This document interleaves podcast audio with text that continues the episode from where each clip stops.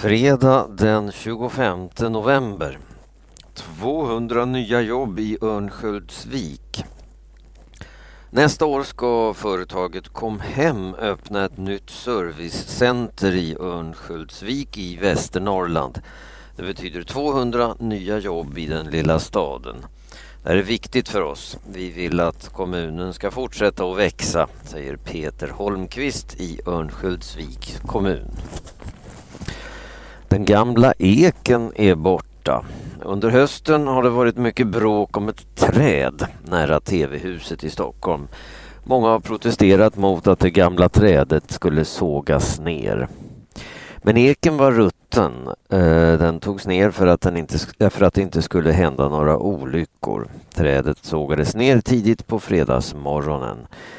Det var ett jättestort hål i den och bara lite friskt trä på ena kanten sa Petra Sjölander från polisen. Fortsatta protester i Jemen. Jemens president Ali Abdullah Saleh har lovat att han ska sluta. Men protesterna i landet fortsätter ändå. Under torsdagen dödades fem demonstranter. De sköts till döds av poliser. Protesterna började när det blev klart att det inte kommer att bli någon rättegång mot Ali Abdullah Saleh. Demonstranterna vill att han ska straffas för de brott han gjort som president. Demonstrationerna för demokrati i Jemen började i januari. Vicepresidenten tar nu makten i landet. Han ska bilda en ny regering och ordna ett demokratiskt val. Handbolls-VM börjar nästa helg. Nästa fredag börjar VM i handboll för damer. Sverige har haft eh, stora problem med skador inför VM. Flera bra spelare har varit skadade och det är osäkert om de kan spela. För några dagar sedan kom ett glädjande besked från läkarna. Isabelle Guldens handskada har läkt bra. Hon kommer troligen att kunna spela i VM. VM i handboll spelas i Brasilien den 2 till 16 december. Kalle Moreus blir årets julvärd. Det blir musikern Kalle Moreus som ska tända ljuset i tv på julafton i år. Han blir årets julvärd i Sveriges Television. Eh, det är bara det här jobbet jag kan tänka mig att göra just på julafton, säger Kalle Moreus. Kalle Moreus har under hösten lett tv-programmet Moreus med mera.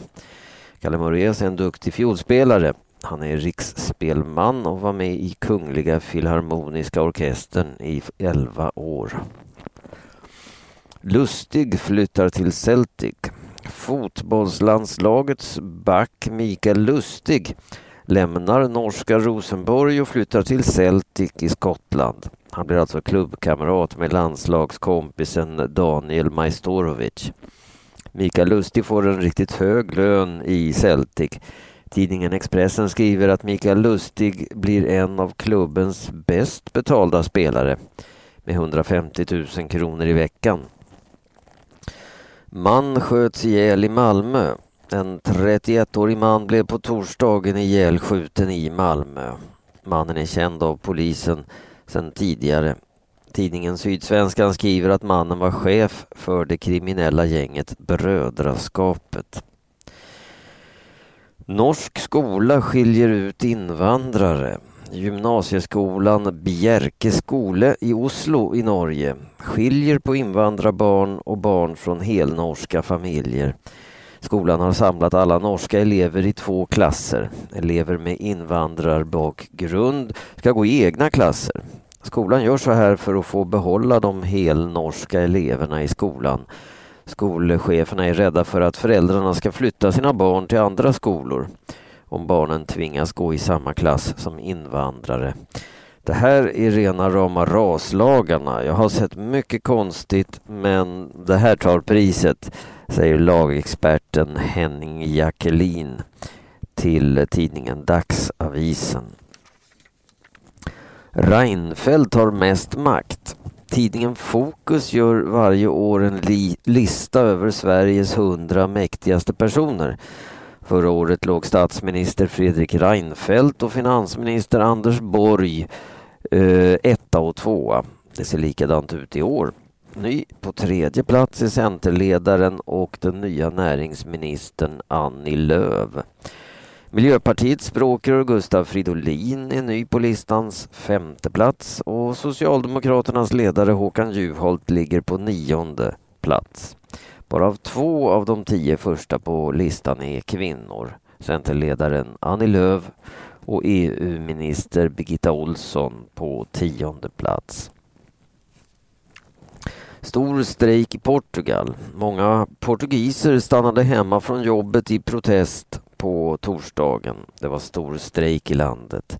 Många bussar, spårvagnar och flyg stod stilla. Skolor tvingades stänga för att lärare strejkade. Sophämtare och postanställda strejkade också. Portugal är ett av eh, e EUs värsta krisländer. Politikerna vill nu spara hårt för att minska landets skulder. Portugiserna ska arbeta fler timmar varje dag utan extra lön. Skatterna ska höjas både för arbetare och företag. Människor drabbas hårt av sparandet. Många tycker sparandet är orättvist och protesterar för att stoppa det. Stora problem med fetma. Svenskarna har blivit fetare på senare år. De senaste 20 åren har antalet feta svenskar nästan fördubblats. Det visar en stor undersökning som organisationen OECD har gjort. I Sverige räknas nu 11 procent som eh, feta. Sverige ligger ganska bra till jämfört med många eh, andra länder. I USA är till exempel 34 procent av människorna feta. Barn som är för feta är ett växande problem i många länder. Allra värst är det i Grekland. Där är 37 procent av flickorna och 45 procent av pojkarna feta. Kina är det land där problemen är allra minst. Mindre än 6 procent av barnen är feta. USA och Kina får högt betyg. Huggs det ner för många träd är det dåligt för miljön och klimatet. Nigeria, Indonesien och Nordkorea är värst i världen på att hugga ner sina skogar. Det visar en undersökning som företaget Maplecroft har gjort. Allt fler vill odla växter till biobränsle och mat. Det gör att skogar huggs ner i snabb takt i en del länder. Kina och USA är bland de länder som tar bäst hand om sina skogar. I Europa är Norge bland de bästa länderna. Sverige får inte högsta betyg utan räknas till den näst bästa gruppen av länder. Veckopeng används mest till nöjen. Hur mycket ska barnen ha i veckopeng? Det är en fråga som ofta diskuteras bland både vuxna och barn.